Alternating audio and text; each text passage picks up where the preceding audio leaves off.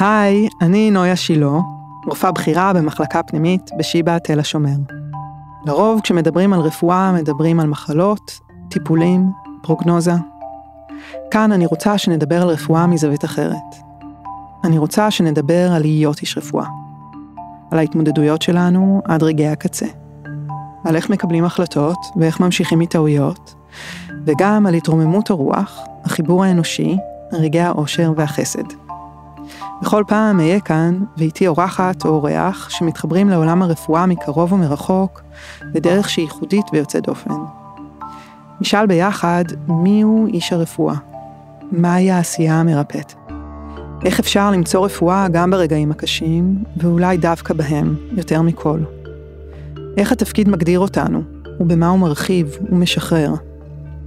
באיזה דרכים אנחנו משפיעים על האנשים שאנחנו מטפלים בהם, ואיך הרפואה משנה אותנו, העוסקים בה.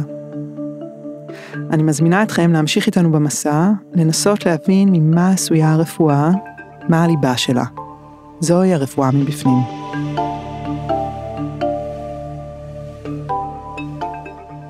והיום האורח שלי הוא דוקטור עלי רבינוביץ', אהלן. שלום, שלום. רופא משפחה... שלום נויה. שלום, שלום. רופא כן. משפחה בעבר, גריאטר בהווה, נכון, וגם מחבר הספר פיצוי הולם, כן. שיצא ב-2016. אהלן. שלום. תודה. Uh, תודה לך שבאת. uh, אתה ואני מטפלים באותו סוג של מטופלים, באותם סוגים של מחלות. אבל אנחנו עושים את זה בתוך setting או תפאורה מאוד מאוד שונה. אני עובדת בתוך מחלקה בבית חולים עם חלוק והיררכיה וכללים מאוד ברורים, אה, ואתה עובד באופן אישי ועצמאי. אה, אני עובדת בתוך מסגרת שאין בה שליטה או תכנון. אני מגיבה למה שמגיע, אי אפשר להגיד אה, רגע או די או אחר כך או לעצור את העבודה במחלקה ולקחת הפסקה, אבל אתה קובע לעצמך את הלו"ז. בול. בול. אה, יש לך מרפאה וגם משאית שאתה נוסע בתוכה לבקר מטופלים בבית. מהמם. אתה גר בצפון, כן. אתה עובר בין אנשים, מהמם. סוג של רופא הכפר, רופא נודד. רופא נודד. כן. אה, כשבין מטופל למטופל יש לך זמן נסיעה בתוך הירוק של הגליל. עלית על זה. כן, כן. טוב, אתה די חושף את זה בספר, לא היה פה הרבה עבודת חשיפה. אוקיי. אה, את האנשים שאתה מטפל בהם, אתה פוגש כמעט בלי מרחק.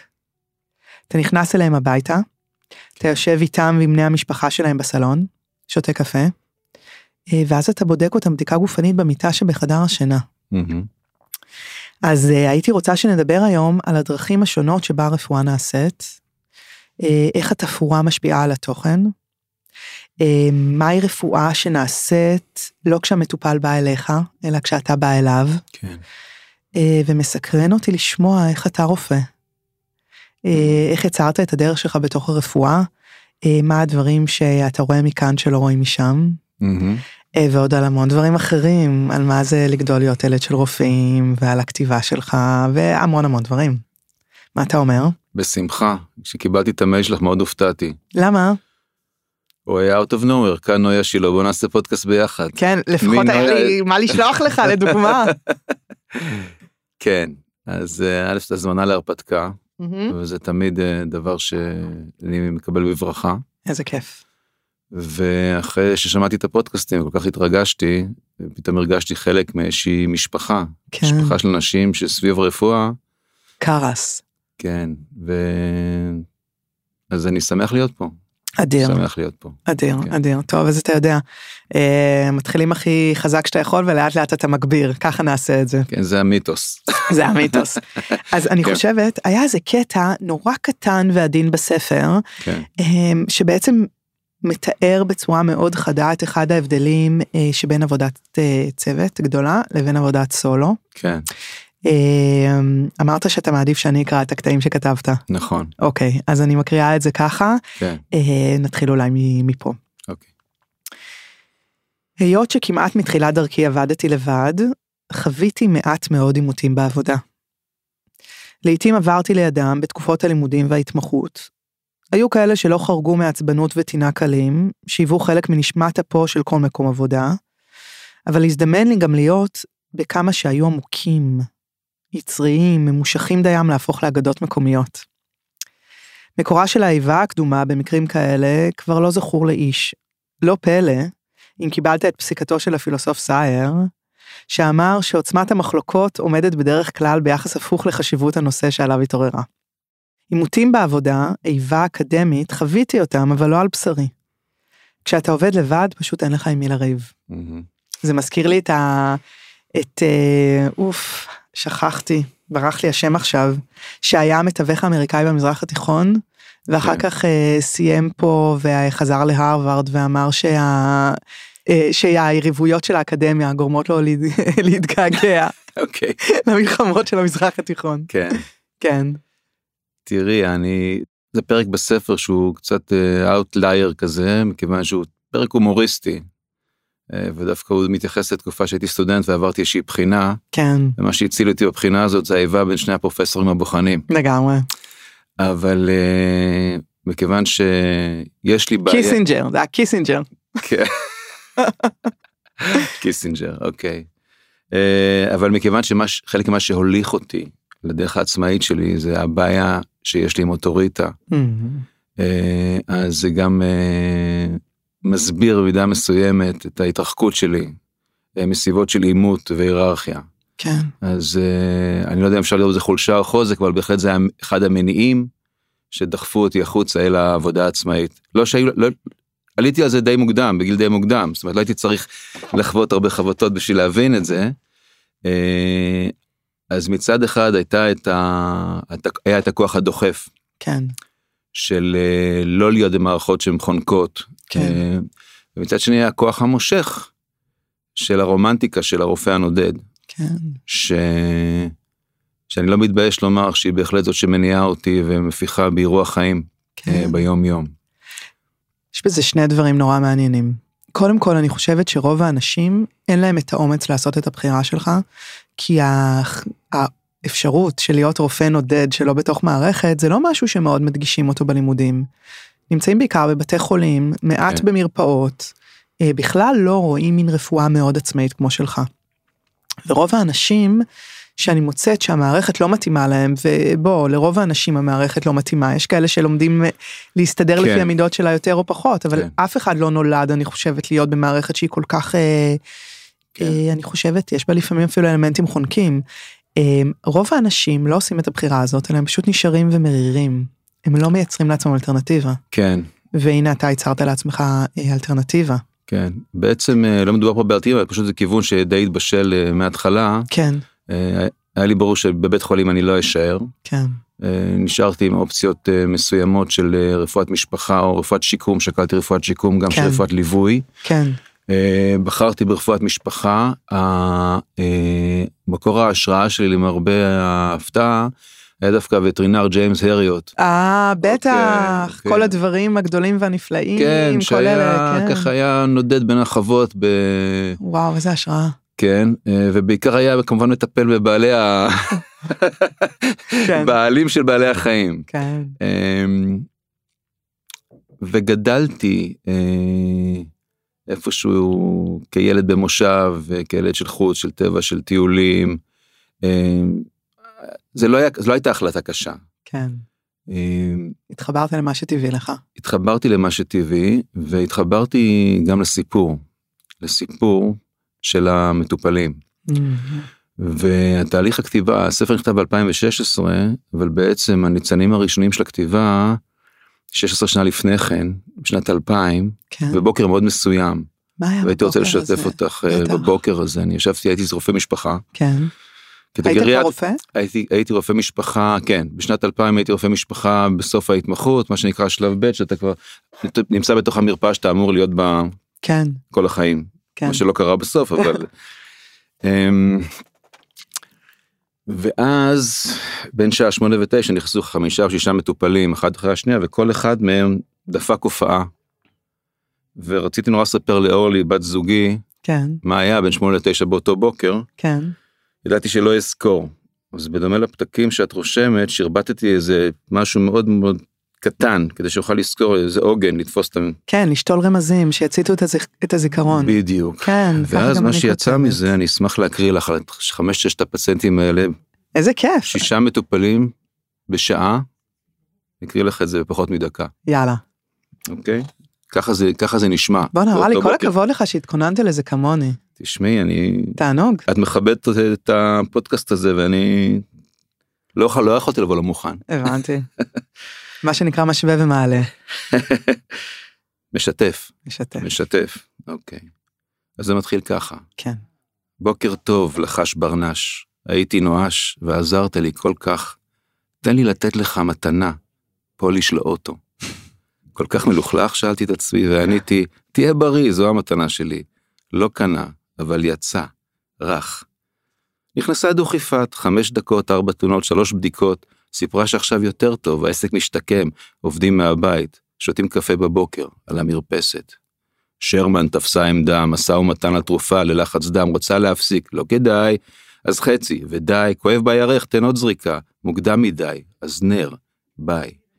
אפרים נושף בלי תחתית, על תרופה חדשה, לגמילה, במכה, ואצלו בחבית 60 שנות קופסה, ומסתם, תלוי על בלימה. ואני כוסס ציפורניים, על איזו רמת ניקוטין? פועל ליבו של אפרים. אישה יפה מאוד, נבגדת. מיגרנה, כדור. איש יפה מאוד, בוגד, לא עומד, כדור. רופא רושם, כדור, ועוד כדור. וככה באותו בוקר של 2000 התחילה הכתיבה. וואו, וגם התחילה, אני חושבת שהיציאה שלך מהרפואה במרפאה. אה, אני עדיין הייתי במרפאה, הייתי גם כרופא משפחה הייתי רופא די עצמאי, כי עבדתי גם בעיר וגם בקיבוץ וגם מרפאה עצמאית. אז היה לי מין סיבוב כזה, סיבוב יומי, גיוון. גיוון, בדיוק. כן. ו... ואז אה, בבוקר אחד בעצם אה, בצורה שקרתה באופן פתאומית, החלטתי שאני הולך על תת התמחות בגריאטריה. זה היה הבוקר ההוא? לא, לא, זה היה בוקר של חמש שנים אחר כך. מה היה שם? כן. מה היה שם אה, ברמה הסיפורית, הוא ששותף שלי למרפאה העצמאית, גם הוא מומחה ברפואת משפחה, החליט שהוא רוצה להוסיף על זה גר... על גריאטריה, והוא הלך והתראיין אצל מנהל בית חולים. אוקיי. שזה בעצם תת התמחות. תת התמחות נוספת. של אה, רפואת משפחה. ו... ואני, בגלל הנטיות העצמאיות שלי, רציתי להרחיב את העצמאות שלי, כי רופא משפחה אתה עדיין שייך לקופת חולים. מהמם. העניין הוא שאבא שלי היה גריאטר ולא סתם גריאטר, הוא פחות או יותר היה הגריאטר של המדינה. מלך הגריאטרים? כן, ונרתעתי מללכת אה, בדרך הזו. כן. מצד שני, הרפ... המטופלים שבאמת איתם אנחנו עובדים, רפואת משפחה, הם המטופלים המבוגרים. כן. אז הרגשת שחסר לך שם איזה גוף ידע? לא, לא? הרגשתי, הרגשתי שזה מסלול לעצמאות. אז אוקיי. הוא הלך והתראיין אצל המנהל בית חולים, ואמרתי לו, תשמע, קוראים לו, לחבר זה אדי. אמרתי לו, אדי, אם לא תסגור עם המנהל בית חולים, אני אנסה במקומך. אז הוא חזר והוא לא, לא הצליח להגיע איתו להסכמות. אז באתי בתוך 24 שעות, סגרתי לי את התמחות בתת, אה, בגריאטריה. אוקיי. ומה שחשבתי שיהיה, זה שאני אחזור, אני אעבוד כרופא משפחה. ואני אעשה קצת גריאטריה בצד. מהמם. אבל אה, לקראת סיום ההתמחות, החלטתי לתת צ'אנס לביקורי הבית. והחלטתי ביני לביני שכל אחד שיזמין אותי לבית שלו אני אבוא ולא משנה איפה הוא גר. וואו. והיום אני עושה כמעט אך ורק ביקורי בית. וואו. ואני נודד בין הפציינטים. וזה פשוט, אה, וכ- וככה, כך הגעתי למה שאני עושה היום. וואו. ובתוך הביקורים האלה יש את הביקור, ויש את הבין לבין של הביקורים, שכמו שאמרת. עכשיו זה לא כן. תמיד בשדות, לפעמים זה בתוך הקריות, בתוך העיר, כן. במקומות פחות אסתטיים, ולפעמים זה בתוך שדות מרחבים פתוחים. והבין לבין הזה הוא מאוד מאוד מאוד משמעותי בעבודה. אני בטוחה. כי זה מאפשר לך זמן עיבוד שלנו לא קיים. זהו, עכשיו, מה זה מאפשר? זה מאפשר אולי גם זמן עיבוד, אבל זה גם מאפשר איזשהו זמן של יציאה מהפוקוס. ואני יכול לעבור בין פציינט לפציינט בלי לאבד את מה שהיה. זה, זה שוקע איפשהו, אוקיי. אבל משהו קורה בבין לבין הזה שהוא לא ניתן להגדרה. יש איזו שטיפה של דימויים ומחשבות, יש סלט כזה, משהו מאוד מאוד אה, חצי הזייתי. ואז יש איזו כניסה למיקוד, כמעט שוב, מדיטטיבי.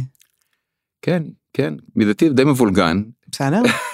שנכנס אחרי זה עוד פעם למיקוד בביקור הבית הבא. וואו. ומעניין אותי לגבי העבודה שלך, כן. איך את יכולה, בלי הזמן הזה של הבין לבין.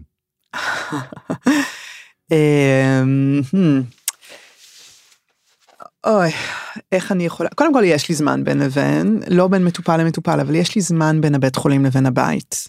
כן. אמ, בגלל הפקקים, בזכות הפקקים. אז מה שבבוקר אה, לוקח לי רבע שעה 20 דקות דור טו דור, כן. אה, לוקח לי אחר הצהריים אה, לפעמים אה, 50 דקות.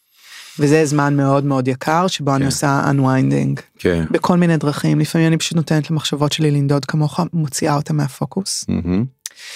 אה, ולפעמים זה הדברים שאני מקשיבה להם אה, ולפעמים זה שיחות הטלפון שאני עושה אבל זה זמן מאוד מאוד יקר מבחינתי כן. זה המעבר הזה אני צריכה אותו בין הבית חולים כן. שזה טורים מאוד מסוימים מאוד גבוהים עצימות מאוד גבוהה לבין הבית שאני לא רוצה לבוא בכזאת תזזית הביתה אני רוצה לבוא באיזושהי אה, נחת אה, וגם אתה יודע הילדים שלי עוד קטנים כן. אני רוצה לבוא פנויה אליהם. אני רוצה כאילו לפנות את עצמי כדי לשמוע על מה היה בבית ספר ומה היה עם החברים. כן. ו... אז זה זמן מעבר שיש לי ובין מטופל למטופל אין לי את זה. כן. אתה יודע אני עוברת ממיטה למיטה או מחדר לחדר. אה, לפעמים יש אה, כל מיני הפסקות במהלך היום או קרה משהו מאוד דרמטי אחריו טוב נלך לשתות קפה אבל זה כמה דקות. אה, וזה כנראה מאוד חסר לי בלי שאני יודעת להבין את זה ולתאר את זה במילים כי אני לא מכירה את האפשרות הזאת של מעבר יותר איטי בין מטופל למטופל. כן. כשאתה מדבר על זה זה נשמע לי כמו משהו בואי תתלווי אליי יום אחד. שלגמרי זה נשמע לי כמו משהו מאוד מתבקש. זה ממש ברור שצריך להיות דבר כזה. כן. אמ, אמרתי תוך כדי שהקראת את, ה, את הקטע על המטופלים שלך ועל רפואת Mm. המשפחה ובכלל שסיפרת על העבודה שלך כרופא נודד אז באמת יש שני דברים קודם כל האלטרנטיבה שבראת לעצמך או הסכמת להתחבר אליה אה, שהיא אה, לא הדרך הסלולה נגיד בבית ספר לרפואה שהוא תכלס בית ספר לרפואה פנימית כן. שהוא תכלס בית ספר לרפואה פנימית בבית חולים. לגמרי. אה, הדבר השני, אתה יודע, כל העניין הזה של אה, רפואה, אה, נגיד בית חולימית, יושב על שלוש רגליים. רופא מערכת מטופל. והרבה פעמים המטופל נשכח בצד. בכלל, טריאדות זה משהו לא מאוד יציב. אוקיי. אה, ואני מוצאת שהרבה פעמים, או אצל, גם אצלי וגם אצל אנשי רפואה מסביבי שאני רואה, אה, המטופל נזנח מול הבית חולים.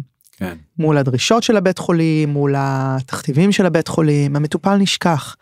אמ, אנחנו הרבה יותר גם שמים דגש על הפידבקים ועל הציונים שאנחנו מקבלים מהבית חולים, מה, מהאקדמיה, מהמערכת, אנחנו מקודמים לפי הדברים האלה.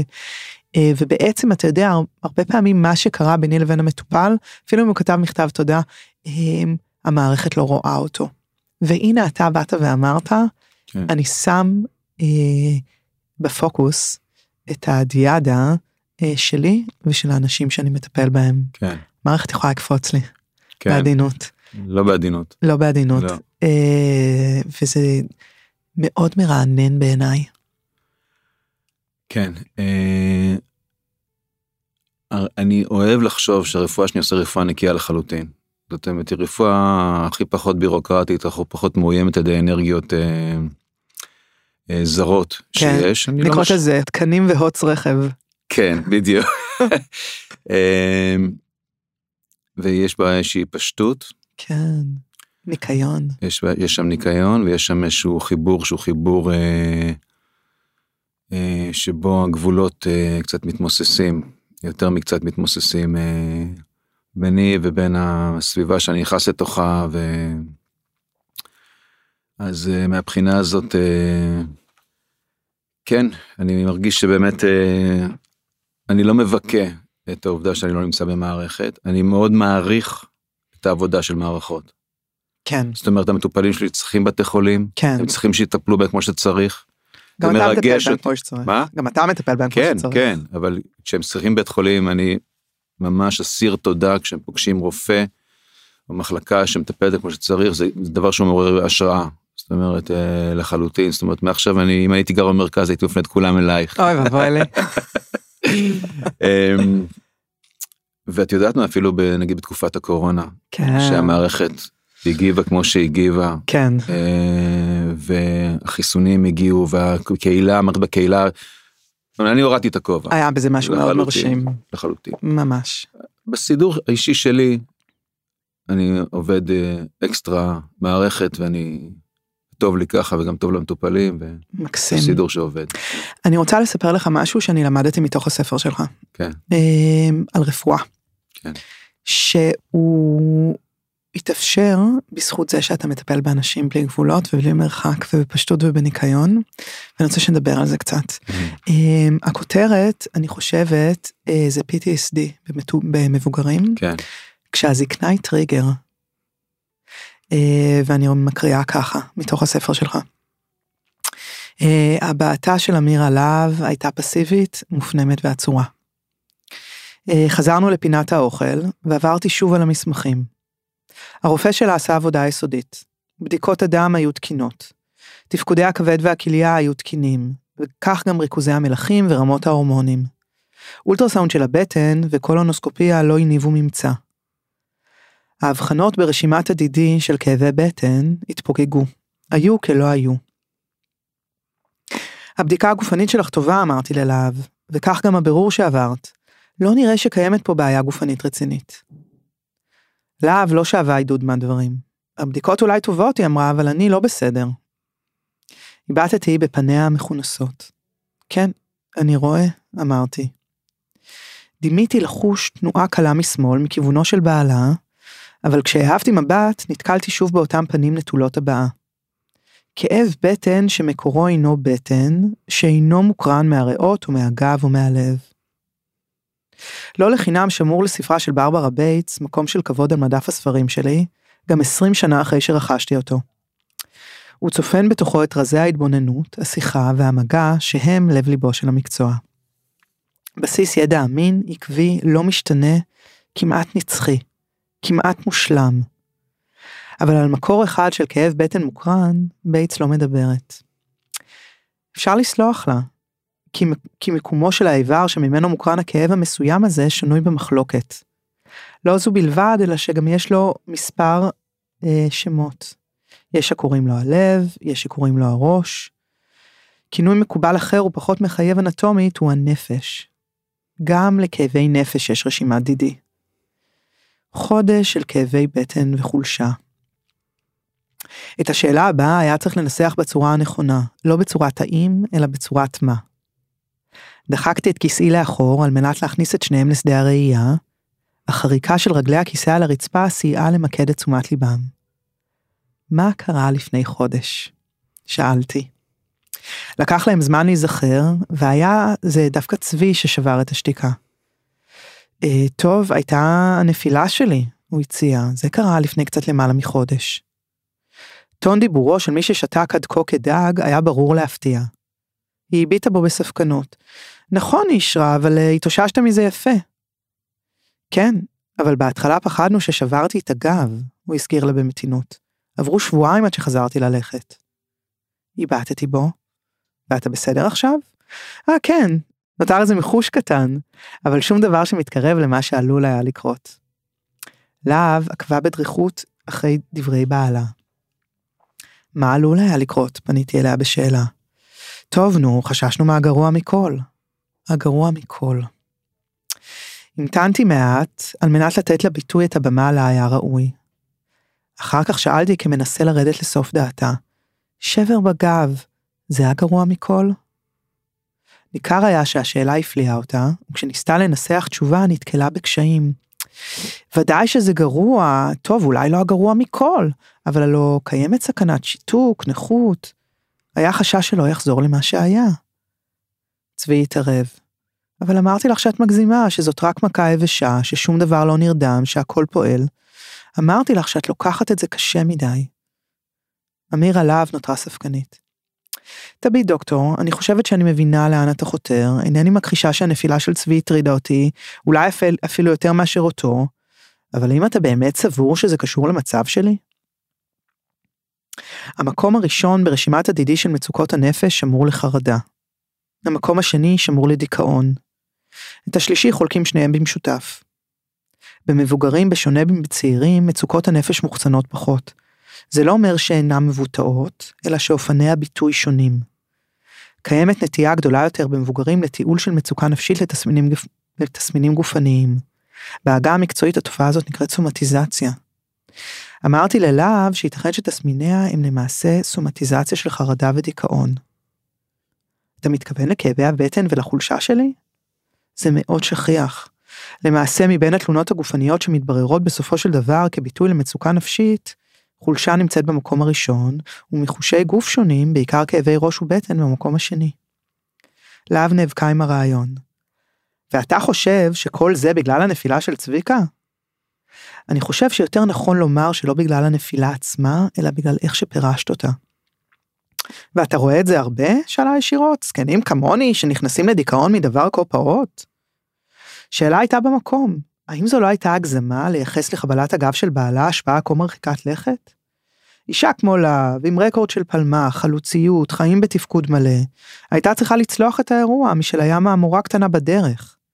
התרחשות שמתמודדים איתה וממשיכים הלאה בלי לצאת מפרופורציות, משהו קטן, שלא היה אמור לפרוץ את המעטפת החיצונית של מתחם הפילבוקס הפרטי שלה. אלא אם כן, אלא אם כן היה אותו קו ההגנה הראשון כבר נפרץ בעבר ואיבד מיעילותו. אלא אם כן כל איום נתפס עכשיו כקרוב יותר, כמשהו גדול שמתרגש ומאיים על קירות הפילבוקס עצמו. אני חושב שפחדת לאבד את בעלך, אמרתי לה. היא לא הגיבה. המשכתי. ואולי איבדת מישהו יקר בעבר? שוב היה זה צביקה שלקח את המושכות. יותר ממישהו אחד לצערנו אמר, אמירה עברה בחיים כמה אירועים קשים. נגעתי קלות במרפקה המצולק. זה היה אחד מהם? להב הביטה בצלקת בחוסר עניין. זה, זה שום דבר, אין לזה משמעות. קליע טועה שתפס אותי מחוץ למשוריין. ואחר כך, שאל בעלה בתוכחה, מה שקרה אחר כך, גם זה היה שום דבר? גם יורם היה שום דבר? יורם? שאלתי. יורם היה האהוב שלה, אמר צבי. הם היו זוג עוד בהכשרה, שם הכרתי אותם, היינו חברים שלושתנו. הוא נהרג בלוד, בהיתקלות עם הליגיון. להב הביטה בבעלה ושתקה, ואני הבטתי בשניהם. פלמחניקים, יצורים מיתולוגיים, גיבורים, מי שהספיקו עד גיל 20 לעשות דברים גדולים, דברים שאחרים לא מספיקים בחיים שלמים. היה קל מאוד לשכוח. היה קל מאוד לשכוח שהם לא היו הרבה יותר מילדים כשמצאו את עצמם בגיהנום של המלחמה. מלחמה שרבים לא חזרו ממנה. קל היה לשכוח שלמרות התקופה שבה גדלו, הילדות שלהם לא הייתה הרבה יותר קשוחה או פחות מוגנת מזו של הנוער של היום, מזו של בתי בת ה-17. בבוקר הם הלכו לבית ספר, בערב הלכו לפעולות של התנועה, האימהות שלהם דאגו שיאכלו משהו בין לבין, שיהיו לבושים כהלכה, משם להכשרה מגויסת. חוויה מסירה, שבועיים בקיבוצים, שבועיים באימונים וחוזר חלילה. נכון, אמרו להם, אמרו להם שאחרי שתוכרז המדינה יהיה קשה, אבל אף אחד לא ממש הבין עד כמה. ובוודאי לא הנערות והנערים שמצאו את עצמם אחר כך בסיוט מתמשך של כתישה ואובדן. ללהב היה אהוב בן גילה, אהבה ראשונה, אהבה חובקת כל. רגע אחד הם היו ביחד נצחיים, וברגע הבא כדור של הליגיון לקח אותו. טראומה שאין דרך לחסן מפניה שום בת 18. פריצה אכזרית ובלתי הפיכה של מרחב ההגנה. חדירה אלימה עד לליבה ממש. לא היה זמן להתאבל. מסביב נפלו חברים וחברות וצו השעה היה להמשיך ולתפקד. גם לא היו מודעים אז לחשיבות הטיפול המוקדם בטראומה. ספק אם היו זמן או אמצעים לעשות משהו בפועל.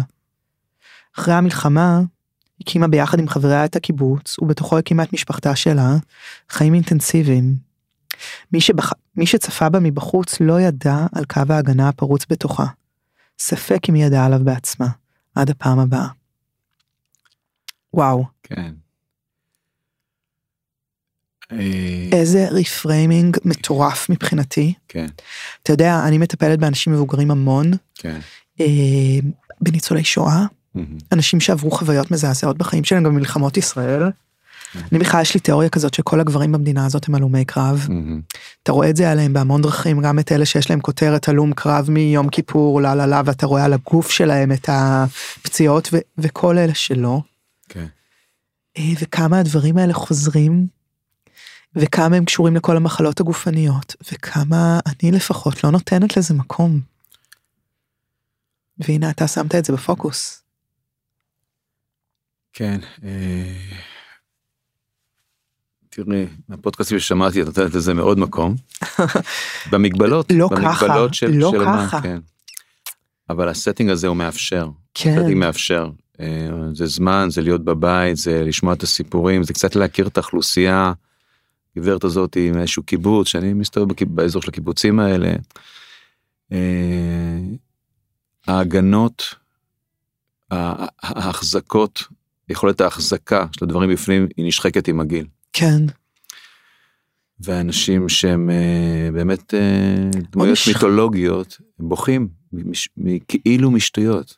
כן, ו, ומגיבים אה, באופן מאוד מאוד חזק לדברים שכאילו הם פעוטים. כן, כבר אין כוח להחזיק את כן. מה שהם החזיקו כל החיים. כן, אה, והדברים הכי הכי משמעותיים זה זה הטראומות של האובדנים של מערכות היחסים. כן, של אנשים שהכירו האובדנים של היכולות שלהם, כן, אה, אובדנים מהעבר, כן, הם משפחה קרובה.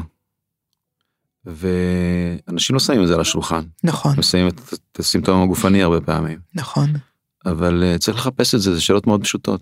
הכל בסדר במשפחה, כן, משהו קרה בזמן האחרון, כן, אה, ואז הדברים אה, דברים יוצאים, הרבה פעמים הם, הם קרו בזמן שה, שהמצוקה התחילה להתבטא, המצוקה הגופנית. כן. אתה יודע, זה, העניין הזה יושב, בעצם יש לו שני חלקים. החלק הראשון זה להיות מודע לזה ובעצם לחפש את זה, לשאול את כל השאלות האלה שאתה מעלה, שהן בדיוק השאלות. כאילו, מה כן. קרה? האם היה עוד משהו? האם היה משהו קשה, או שגרם למתח, או להתרגשות, או מה השתנה בחיים? הדבר השני זה להיות uh, מסוגל uh, להציג להם את האפשרות של סומטיזציה בלי שהיא תהיה מילת גנאי. כן, כי אנשים מהר, מהר מאוד אומרים, מה, אז אתה חושב שאני משוגע? אני יודע שיש משהו אמיתי שהוא לא בסדר. אה, אה, אה, למה אתה אומר שאני ממציא את זה? דברים ממש אה, קשים. כן. ואיך אפשר בעצם להציע להם את האפשרות הזאת של חיבור בין גוף לנפש, בין החוויות שעוברות עליהם, לבין התסמינים שאנחנו רואים על הגוף, או לפעמים אפילו לא רואים אותם, אלא רק מרגישים אותם, בלי שזה יעורר בהם אנטגוניזם. כן. איך אתה עושה את זה? אני לא חושב שזו תשובה סטנדרטית, כן. אה, זה, זה עסק מאוד עדין. כן, אה, ואם יש סקפטיות, והרבה פעמים יש סקפטיות, אני מציע תקופה של ניסיון. אוקיי, נותן לאנשים, אני נותן את, ה, את ההרגעה שביצענו את הבדיקות, לא מצאנו משהו. כן, נותן את האפשרות הזאת, ונותן כמה שבועות, נגיד של טיפול אנטי דיכאוני, או של אה, טיפול בשיחות, כן, אה, וקשר, להיות איתי בקשר. אה, ואז במקרה של הפטנטית הזאת באמת הכדור SSRI פשוט העלים לה את הסימפטומים הגופניים. כן, ובאמת בסוף כל פרק יש מין אחרית דבר והיא אמרה לי לא האמנתי מה שכדור אחד יכול לעשות אפרופו הכדור שגולה ואפרופו הקליע ששרט לה את כן. המרפק. אה, אז זאת הגישה נכון את צודקת זה לא פשוט צריך לעשות את זה בעדינות אה, לסייג את זה אה, להשאיר את, ה, את קו התקשורת פתוח. כן, תרשי לי אני רוצה להגיד לך אני ביקשתי ממך שתקראי את הקטעים מהספר כן, שלא אני לא אני אקרא אותם כן, ויש סיבה. אה, בזה שאני רואה אותך מקריאה את משהו שאני כתבתי, כן, אני חווה שהוא מענה לצרכים מאוד בסיסיים של הנפש שלי. את רואה אותי, Mm, את מתקפת אותי, יש בו אה, מענה לצורך של שייכות, מהמם. של ערך, של אה, אפילו של מידה מסוימת של אהבה. כן, כן. בטח, וזה זה, זה, זה פן אחד של ההקראה שלך את מה שכתוב בספר שלי. הפן השני הוא, ואני חושב שזה מתקשר לקהילה פה ש... שהלכה ונחשפה פה בפודקאסטים שלך, שהטקסט הזה הוא לאו דווקא שלי. הטקסט הזה הוא התבטא דרכי. ההוויה הזאת שאני פגשתי, היא הוויה שהיא גם שלי וגם שלך, היא לא מיוחדת לי.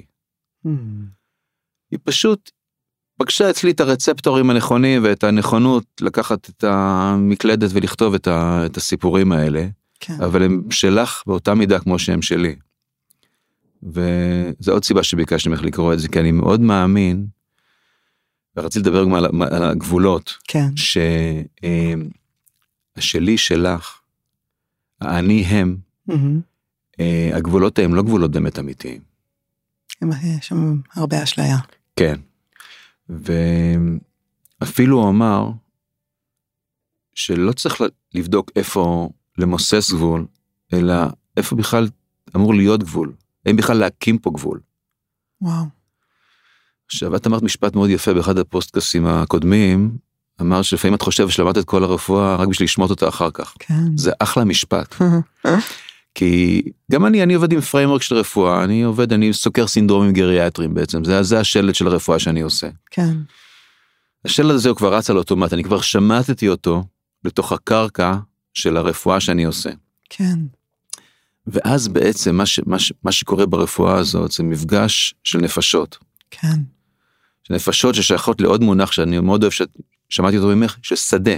כן. אנחנו בשדה של נפשות. כן. שדה של נפשות, אין בו גבולות. לפעמים גבול צריך איזה טרסה, צריך לבנות אותה, כי היא צריכה לשרת משהו, אבל גם אז, בשלב מסוים, היא אמורה להפסיק לשרת את הטרסה, את הגבול הזאת, זה- הגבול הזה. זה פיגום. כן. אז uh, בנושא של הגבולות, עדיף לדעתי לבוא ממקום שאין גבול, כן. כשאתה מרגיש מספיק בטוח, ואחרי זה, כשצריך להקים את הגבול. וואו, אתה יודע, זה נורא, נורא מעניין לדבר על זה. גם תכף יש לי קטע מאוד מאוד יפה, גם שלך על גבולות וגם של אבא שלך על גבולות. אוקיי. שיהיה מאוד מעניין לראות אה, אוקיי? איך הגנטיקה עבדה פה. אני לא כן. יודעת אם זה היה, אתה יודע, אם זה לא היה, אם זה היה גנטיקה או למרקי, מה ההעברה ביניכם. אבל יש המון... יכול להיות שזה עוד משהו אני רוצה להגיד לך, כן. אני חש... חשבתי על זה. יש משהו בנוסף לגנטיקה או, אה, כן. או סביבה, כן, יש משהו שרגע דיברתי עליו, משהו שהוא קיים מתחת, כן. שורש משותף. איזה שורש משותף לכולם, כן, אה, שאולי יותר מובהק אצל פרטים מסוימים שקרובים אחד לשני, כן. אבל אה, אוקיי, אבל קטעתי אותך. לא, אה, כן. בסדר גמור. אני חושבת, תראה, אני, יש לי נטייה אה, מאוד דומה למה שאתה אומר, להגיד גבול הוא מיותר. אה, ככה אני חושבת על עצמי, אולי אנשים מבחוץ יעידו אחרת, אבל אני עוד, אה, אתה יודע, כשהייתי בצבא והייתי מפקדת והיו לי חיילים לפני המון שנים, כן, גם איתם לא היו לי הרבה גבולות, כן, וגם עם המתמחים שלי, כן. אין לי הרבה גבולות, אה, וגם עם המטופלים שלי אין לי הרבה גבולות. אה, ויש אה, שתי אסכולות בעניין האלה, בעניין הזה, יש כאלה שאומרים שעדיף שיהיה גבול מאוד ברור, ואז אולי קצת לפוגג אותו. ואני חושב, אני מוצאת שהדבר הזה הוא מאוד מלאכותי. היו קטעים בחיים שלך שהרגשת ש... משהו חסר כשאין את הגבול הזה, או שאתה נפגע כשאין את הגבול הזה, או שמשהו מהעשייה הוא לא נכון, כי חסר פה גבול. התשובה ממש הפשוטה היא לא. לא, אני לא, לא הרגשתי שאף פעם אני מאוים על זה. אני, תראי, עם, עם השנים היו גבולות יותר חזקים בהתחלה. כן. הגבולות שקעו, כן, והגדרות האלה התפרקו כן, ועברו את הבליה שלהם, כן, ו... ואני לא מרגיש שאני מאוים על זה, מזה שאין גבול. אני ממש מרגישה את זה גם, אתה יודע, כן. ואני גם מרגישה בזה, המון מהגבולות האלה נורא מלאכותיים. כאילו אתה אומר מה ההבדל הוא דרגה, ההבדל הוא גיל, ההבדל הוא פזם, כאילו מה, מה מייצר את, הגרוף, את, ה, את הגבול הזה, מה מייצר, כאילו מה מגדיר אותו, הכל דברים שהם כל כך מדומיינים. מה המחשבה היא שאני לא יכולה לייצר דיאלוג אמיתי בגובה העיניים עם מישהו שצעיר ממני בשלושים שנה או שמבוגר ממני בשלושים שנה, למה? כן. למה? אה, אני מסכים איתך, אני חושב שזו מחשבת שווא. ממש, זה כן. יותר מגבול זה תירוץ הרבה פעמים. תראי, לאחרונה אני אה, קורא פיזיקאי, אני חושב שאמרת שבן זוגך הוא פיזיקאי, כן, פיזיקאי, נכון? כן. פיזיקאי בשם דיוויד בום, אני לא יודע אם זה אני לא דיוויד מכירה. בום, לא משנה. הוא בטח מכיר. אבל uh, הוא הביא תפיסה לעולם הפיזיקלי, ואחרי זה גם לעולם הפילוסופי, בעזרת כן. קרישנמורטי, הייתה איזה חיבור ביניהם, Mm, אמ, שמדבר על אה, בעצם על השלמות ואי ההפרדה, מהמם. אוקיי? ואני אספר לך איך, איך שאנחנו מקימים גבולות, עושים הפרדות, ואז מתייחסים אליהם כאילו שהם אמיתיים. כן. אנחנו מקבלים אותם בתודעה, אספר לך סיפור חצי דקה, קצת משעשע. יאללה. אנחנו גרים באזור כפרי, כן. ויש לו עכברי, עכברי שדה לפעמים חודרים הביתה. תענוג. עכבר שדה קטן חמוד, אורלי בת זוגי, מומחית ללכידתם, היא. שמה מלכודת עם גבינה, ובבוקר אנחנו מתעוררים ויש עכברצ'יק בתוך הזה. כמו בסרטים המצוירים. ממש, כן. עכשיו, התפקיד שלי זה להוציא אותו מהבית ולשים אותו, לשחרר אותו חזרה לשטח. עכשיו, לא משחררים אותו קרוב לבית כי הוא יחזור. אז החלטתי יום אחד שאני פשוט יוצא לשער של היישוב, של 500 מטר, ואני משחרר אותו מחוץ ליישוב. אוקיי. טוב, בעכבר השלישי אני מגיע בשבת בבוקר לשער של היישוב עם העכברצ'יק הזה בתוך הזה, ומה לעשות, השער סגור ואין לי את הטלפון לפתוח אותו. אוקיי. ואני אומר לעצמי, שיט, ואחרי זה אני אומר לעצמי, רגע, העכבר לא יודע שיש פה שער. לעכבר לא אכפת אם אני אשחרר אותו חמש מטר בפני השער. לגמרי. השער היה גבול פיקטיבי. הוא התקבע אצלי בתודעה כאילו משהו אמיתי. נכון. הוא לא משהו אמיתי, זה משהו שזה כלי שהשתמשתי בו בשביל לעזור לי, הוא שירת אותי בשביל לעזור לי להתנהלות. הוא לא משקף שום מציאות שהיא. אז זה משהו ככה הומוריסטי. עכשיו, האם הגבול הזה הוא בכלל גבול שמשרת, או האם גבול שהוא מפריע? ממש. ממש. אני חושבת שזאת כן. שאלה שאנחנו כל כך לא מורגלים בלהשתמש בה. האם הדבר הזה עוזר לי או מפריע לי? כן. נכון. והאם יכול להיות שהדבר הזה שעד עכשיו עזר לי, עכשיו הוא מפריע לי, ואין בו צורך יותר? כן, האם בפיגום הזה כבר יש פגם ואפשר להיפרד ממנו? כן, או לחילופין, האם הדבר הזה שעד עכשיו מאוד מאוד הפריע לי, הוא עכשיו בעצם אני יכולה לגלות שהוא עוזר לי. זאת אומרת, נגיד, האם מערכת היחסים הזאת שהייתה לי מאוד מאוד קשה, עכשיו אני מגלה שבעצם באמצעותה אני יכולה ללמוד משהו אה, ולגדול. זה באמת, אני חושבת שזה דרך לגשת לדברים, האם הם לטובתי או לא לטובתי. ובמובן מאוד עמוק, אני לא חושבת שבאמת יש דברים שהם לרעתי. אני חושבת כן. שהכל לטובתי, השאלה היא לא האם זה לטובתי או לא לטובתי, אלא איך זה יכול להיות לטובתי. כן. אה, את מדברת למשהו שאני קורא התרחשויות של הפרדה וביקורת. אוקיי, כי בכל הפרדה יש גם ביקורת סמויה. כן, וההתרחשויות האלה של הפרדה וביקורת הן קטנות וגדולות, מהמם, ומאחוריהן, להבנתי, תמיד מסתתר צורך נפש. ובתוך Hmm. צורך הנפש כבר מקופל המענה. וזאת איזושהי שיטה שאני מנסה לסגל בחיים שלי, כשאני נתקל בתחושה הזאת הלא נעימה של הפרדה וביקורת. מה הצורך פה שמבקש מענה? ובדרך כלל אני מגיע לצרכים של ערך, של אהבה, של תיקוף, של נראות, דברים שאת מדברת עליהם בפודקאסטים שלך. נכון, בנראות הקטנה הזאת שהפציינט חווה ממך, כשאת שואלת אם הוא רוצה כוס תה. הקטנה העצומה הזאת, Hmm. ועד כמה שזה מפוגג ומפיס אה, ומשקיט את ומקרב, השדה כן. הזה, שהמקרה הזה זה אולי את והמטופל בחדר שמונה, עם הנפשות שמסביב, כן? כן, אז אה, אני מנסה לסגל לעצמי את, ה... את התנועה הזאת, Hmm. את התנועה הזאת. כן. כן. זה ממש, אתה יודע, זה כאילו אנחנו מדברים על המון דברים שהם נורא אמורפיים, נכון? אבל זה שהם אמורפיים, או בעיקר לא מדידים, לא הופך אותם ללא קיימים.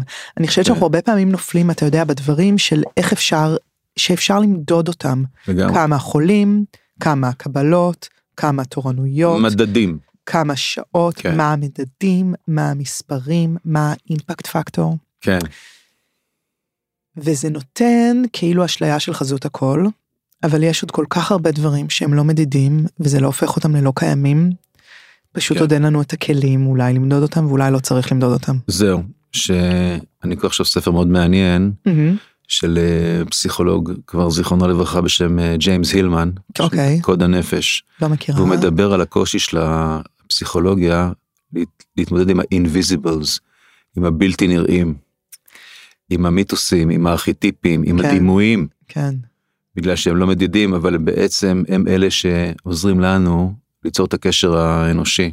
כן, אני מאוד מתחבר אה, למה שאת אומרת. ממש. כן, כאילו אני אומרת, אתה יודע, החלק, החתרנות הזאת שלך, המערכת יכולה לקפוץ לי, כן, גם אני מרגישה אותה בכל מיני דברים, כן. והיא שאני לא מוכנה, מה זה לא מוכנה? יש משהו מאוד לעומתי בלהגיד אני לא מוכנה. אין כן. פה עניין לא מוכנה.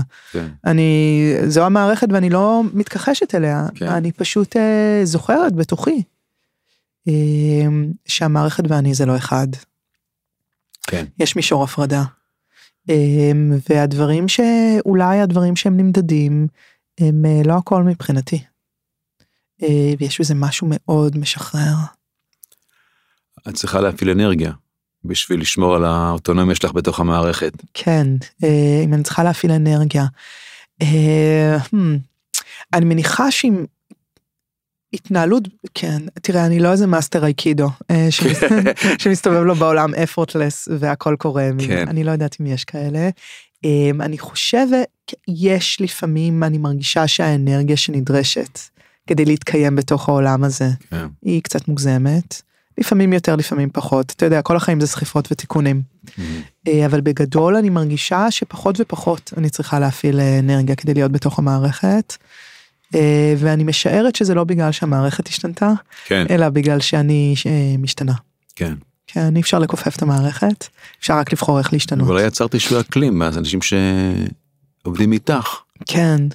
אה, כן, אתה יודע, למרות זה שגם... בופר. בופר. כן, אני רוצה לחשוב ככה, גם, כן. גם, גם לנו יש, אה, אתה כן. יודע, לפעמים צרימות וסחיפות ותיקונים, כן. בכל מקום יש. ברור. אבל כן, אני ממש מרגישה שאני צריכה פחות ופחות להעמיד פנים שאני משהו אחר. שזה משהו כן. שהרגשתי אותו בעבר בצורה מאוד דומיננטית, ויותר פשוט להיות מי שאני. אז אני לא מבזבזת את האנרגיה שבהעמדת הפנים, כן. שזה כיף. מה אתה אומר? נדבר קצת על אה, גבולות ופיגוג אה, גבולות וכזה? מה אתה אומר? מה שתרצי, ואם תרצי להביא פתק אז אני אשמח. אוקיי, אם אז תרצי. אם אני ארצה. כן. אז אתה יודע מה? Mm, בוא נעשה את זה ככה. mm, אם אתה מסכים, אני רוצה לקרוא קטע אה, שאבא שלך כתב. בבקשה, וגם קצת לספר במאמר מוסגר איך הגעתי אליך, איך הגעתי יום אחד לשלוח לך מייל. בבקשה. יש ספר מאוד מאוד מיוחד שמונח כאן מולי, שנקרא משמעות החיים, אה, שזה אסופת מאמרים שכתבו כל מיני אנשים מאוד מיוחדים, וערך אה, אסא כשר. והספר הזה היה אצלנו בבית, בין השאר עמיה ליבליך אה, אה, תרמה פרק הנה, כן, אה, וגם אבא שלך. כן, ואבא שלך, אה, זיכרונו לברכה, כן. אה, פרופסור מריאן רבינוביץ', היה גריאטר, אה, והוא הקים את ההוספיס בתל השומר. נכון. גם אימא שלך, כן. פיגורה רצינית. רוצה לספר עליה במילה? כן, אימא שלי אה, היא קרדיולוגית. כן, אני אספר לה טיפה בספר באחד הפרקים. כן, כן. אה, והיא הייתה בתל השומר סגנית מנהלת של מכון הלב. וואו, כן. בתקופה שנשים אה, נראה כן. לי לא היו שם אפילו כלום. אני לא יודע מה, לא, לא, לא סגור על זה, אבל זה ברור שהייתה חריגה. אתה גדלת בשיכון? אני גדלתי בביתן 16 במשך שנתיים. יאללה, שנתיים, כן. הלכנו ממש על אותם שבילים. כן. ובעצם אה, שני ההורים שלי אהבו מאוד את המקצוע. כן, מאוד את המקצוע. לא, היית, לא היה דיבור רפואי בבית. אוקיי, בתור ילד לא שמעתי הבחנות, לא... זאת אומרת, כשהגעתי לבית ספר רפואה הייתי חף מה... אוקיי, לא מאמינה לך. מהז'רגון הרפואי. לא, אבל אני לא הייתי מסתיר את זה. ברור לי שספגת את זה. לא, זה כן. כן. אבל מה שספגתי לא היה את הדיבור הרפואי, אוקיי. היה את הדיבור על האנשים. Mm. אוקיי, ו... ובעצם גדלתי עם uh, הרגשה שיש לי שני הורים שמאוד מאוד אוהבים את מה שהם עושים. זה מאוד מעורר השראה. מאוד. Uh, ואני ניסיתי ללכת בדרך אחרת, אבל הגרביטציה הזאת משכה אותי בסוף חזרה. מה רצית להיות? שנה ראשונה למדתי מדעי כדור הארץ באוניברסיטה העברית, וואלה, קטע של גיאולוגיה, כן. אוקיי. נורא שיאמם אותי. אחרי זה עשיתי חצי שנה של אנתרופולוגיה וסוציולוגיה באוניברסיטת תל אביב. אוקיי. אז אמרת אין ברירה. אחרי זה חזרתי עשיתי ביולוגיה באוניברסיטה העברית. וואו, כמה סיבובים עשית. ואחרי זה רפואה. הבנתי. אה, אבל ההרגשה הייתה, ההורים שלי אמרו לו פעם זה המקצוע הכי טוב בעולם. כן. עכשיו אני יודע שלא כל הרופאים אומרים את זה לילדים שלהם. יש רופאים שמשדרים משהו אחר. נכון. אתה, אה, הילדים שלך, אם הם ילכו בדרך הזאת? הם לא ילכו. הם לא ילכו. וזה זה בסדר מבחינתי, זה, אוקיי. זה גם, אז זה אף פעם לא היה רשום לדעתי שהם ילכו. כן. כל אחד מהם הוא מתפתח, אה, אני, אם הילדים שלי ירצו ללמוד רפואה, אני בעד. אני אמליץ להם. כן, יש לי בת אחת שלדעתי זה תפור כן. עליה, היא בדרך לשם. כן. כן. אה, אני, אני אוקיי. מאוד ממליצה. בקיצור, אני כן. קוראת את הקטע היפהפה כן, הזה, כן. שמיד אני אקריא ממנו מעט, כן, שכתב אבא שלך, כן. על משמעות החיים, והוקסמתי, אוקיי. ועצרתי הכל, נתתי למתמחים לעשות, אני קיבלתי את זה, בעלי שלח לי את זה בוואטסאפ, עצרתי כן. את הביקור, הם המשיכו את הביקור, אני הלכתי לחדר, הייתי חייבת לקרוא את זה ולעשות על זה גוגל ולגלות מי זה הבן אדם הזה. כן, ומצא גוגל קצר, כן. ומצאתי שהוא נפטר ב-2010. כן, אמרתי וואו, פספסתי אותו. כן, ועוד hit אחד בגוגל, ומצאתי אותך, כן, ואת הספר שלך, כן. והורדתי אותו והתחלתי לקרוא אותו. ואמרתי לעצמי וואו איזה serendipity. כי פספסתי את האבא, הרווחתי את הבן. כן, אז אה, בוא נקרא קצת את. אה, מה שהוא סיפר לנו על ההוספיס בתל השומר ועל העבודה שלו, אתה יודע, ההוספיס זה אחד המקומות האהובים עליהם בתל השומר. מקום מאוד מיוחד. כן, אה, אז הוא מספר ככה, אה, לקטע שלו כתוב משמעות החיים וכן היונה. אה, זה נערך מתוך הרצאה שהוא העביר בנושא הזה, ב-96 אני חושבת. אה, ואחד הקטעים מתוך השיחה שלו הוא כזה. הסיפור הראשון, אתה רוצה להקריא את המילים של אבא שלך? הנה, נהדר. זה מעניין, את יודעת, אני קורא ספרים שאבא שלי קרא, כן, ואני נתקל בסימונים שלו, ואני אומר, זה נורא אנחנו היינו מסמנים את אותו סימונים. מדהים. ב- זה דבר כל כך אינטימי. אה, הכתיב, אתה יודע שיש לי חברות שאני מעניקה להם את הספרים שכתבתי עם הסימונים, כן, ואני ממש חושבת עליהם כשאני מסמנת את זה. וזו מתנה נורא אינטימית. כן. כן, מקסים. בוא תקריא את המילים של אוקיי. אבא שלך. הסיפור הראשון הוא על אישה בשנות ה-80 המוקדמות שלה, שנקראתי לבקר בביתה. אישה זו מעולם לא הייתה בטיפולי קודם לכן, בעלה היה זה שטיפלתי בו. איש מופנם מאוד, שקט, דומיננטי בשתיקתו, שבר גלים קשים של דיכאון. האישה הזו חייתה בצל בעלה, מעולם לא דיברה איתי על עצמה, ובשנים האחרונות גם הפכה לכלואה בביתה, מפני שלא רצתה לעזוב את בעלה. הוא התאושש והשתקם, לא נפגשנו במשך למעלה משנה, ואז התקשרה אליי בתם וביקשה שאבוא לראות את אמה, שחלתה במחלה ממארת. ביקרתי בביתם, הבעל ישב שפוף וסגור בכורסתו כתמיד, אשתו הייתה בשלב מחלה שמעבר לריפוי, והבנתי שהיא יודעת זאת. שאלתי אותה מה רצונה, והיא ענתה לי, אני רוצה לעבור את התקופה שנותרה כמה שיותר מהר. המשכנו לדבר, ושנינו ידענו על מה מדובר. לא שיחקנו משחקי השתיקה והכיסוי, אבל ראיתי משהו מיוחד בעיניה שמעולם לא ראיתי קודם לכן, איזה ניצוץ של שובבות. ואז הזכרתי לה שכמה פעמים בעבר הצעתי לה לצאת קצת מהבית. העליתי שוב את ההצעה הזאת, ולהפתעתי הגמורה היא אמרה, עכשיו אולי הייתי יוצאת מהבית, בעיקר שכרגע כאישה אני לא מסוכנת. האישה הזו, שתמיד הייתה כל כך מאופקת וחמורת פנים, הניגוד המוחלט לכל בדיחה וחצי בדיחה ולכל חשיפה והתייחסות לנשיותה, פתאום היה בה ניצוץ קוקטי. ובאותו רגע היא הייתה בעיניי פשוט יפה. מקסים, כן, מקסים. כן, כאילו אני אומרת, מה, מה יפה פה כן. בעיניי? כן, יפה בעיניי בדיוק פריצת הגבולות. כן, שהוא מסתכל עליה כמו בן אדם, אה, שהיא המחלה שהיא כאילו סוגרת היא בעצם פותחת. כשהאפשרויות מצטמצמות הן בעצם נפתחות ומתאפשרות. כן, יש פה המון המון כאילו הפכים. כאילו קורה דבר והוא כן. בעצם מתגלה כהפך שלו ובא להראות כאילו כמה אנחנו מוגבלים באופן שבו אנחנו מסתכלים על הדברים ויכול להיות שזה לגמרי ההפך. כן, נורא יפה, כן. נורא יפה. דבר אליי הקטע הזה. גם אליי, כן, מאוד, כן. מאוד. אתה יכול להבין למה נתתי למתמחים לעשות ביקור והלכתי לקרוא את זה ולחפש אותך. וואו, תגיד, מה אתה אומר? יש כמה אפשרויות. יש כן. אפשרות שאני אתן לך פתק שלי בספונטני להקריא. אשמח. יש אפשרות של, אה, אם יש משהו שהיית רוצה לשאול אותי, יש כזאת פינה מסורתית שאתה מוזמן, אה, אפשר גם וגם? אפשר גם וגם. אז ככה. אוקיי, מהשלישי לעשירי. שלישי לעשירי, הצטרפות מקרים נדירה שלא יכולה שלא להיות מכוונת. מספרים לי על אישה בת 67 שהגיעה בסוף השבוע. אחי הפסיכיאטר שמטייל בפרו. הוא האפוטרופוס. קישרתי מיד. גל עצב מעורבב בנחמת צרי, צרת הרבים. לכל אחד יש חבילה לסחוב. זה לא פוסח על אף אחד.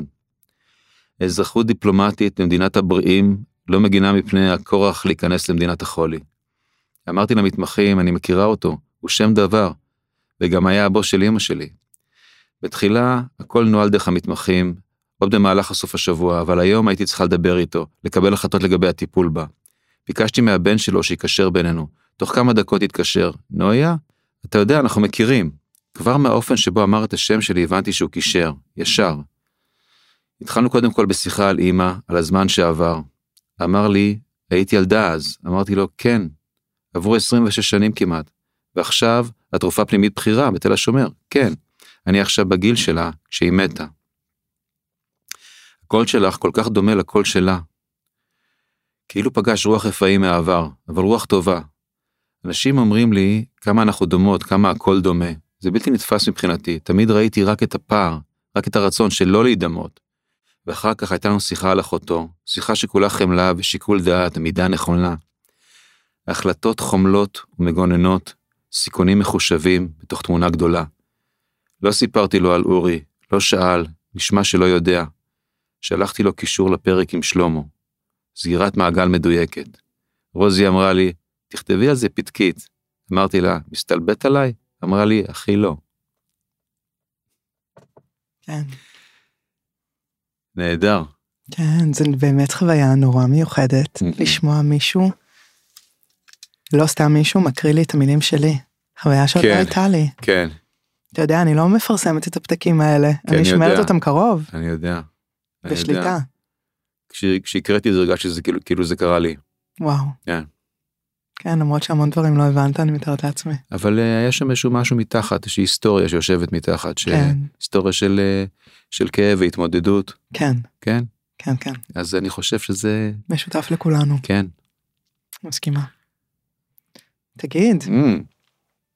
מה היית רוצה לשאול אותי?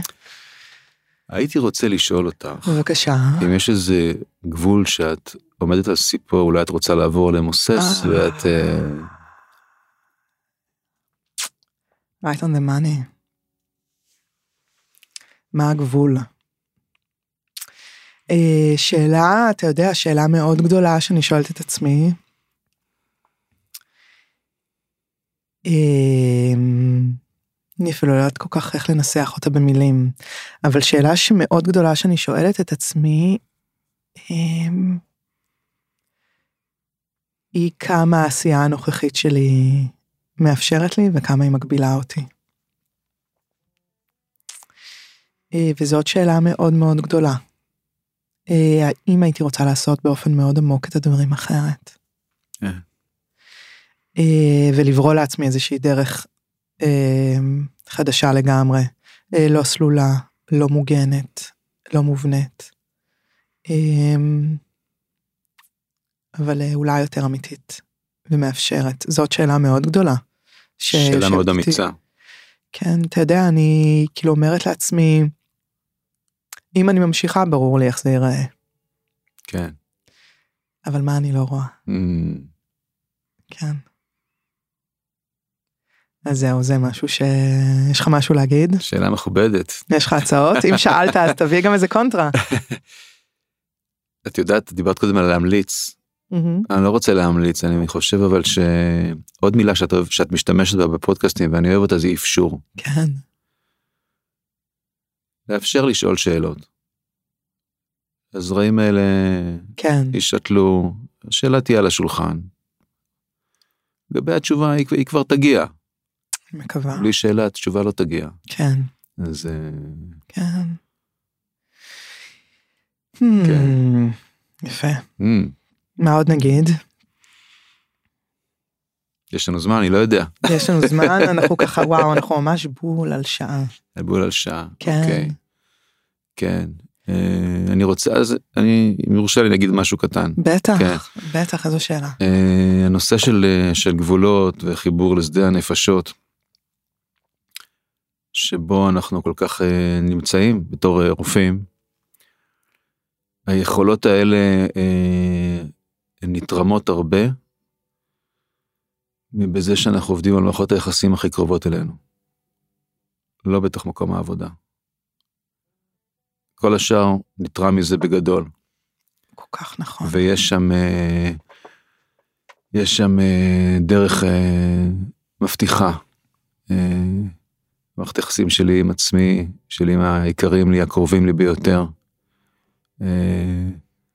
עבודה שם משחררת משהו מאוד גדול אה, לסביבות האחרות, לשדה הנפשות הכאילו קצת יותר מרוחק.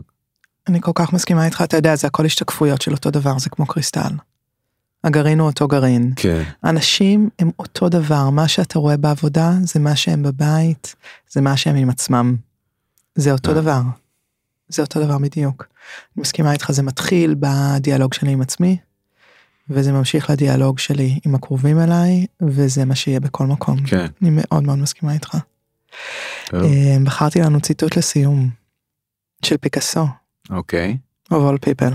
מהמם. Uh, the meaning of life is to find your gift. The purpose of life is to give it away. יפה. כן, שמשמעות החיים היא למצוא את המתנה שלך, כן, אבל התכלית היא להעניק אותה הלאה. כן. איזה יופי. מקסים. רע לי.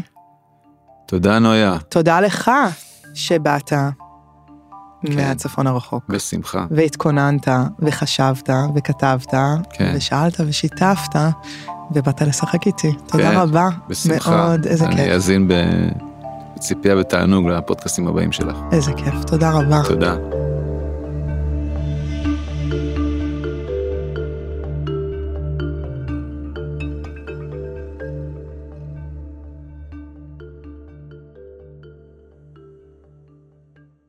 אוי, איזה תענוג. מה אתה אומר? אני אומר תני חיבוק. לגמרי.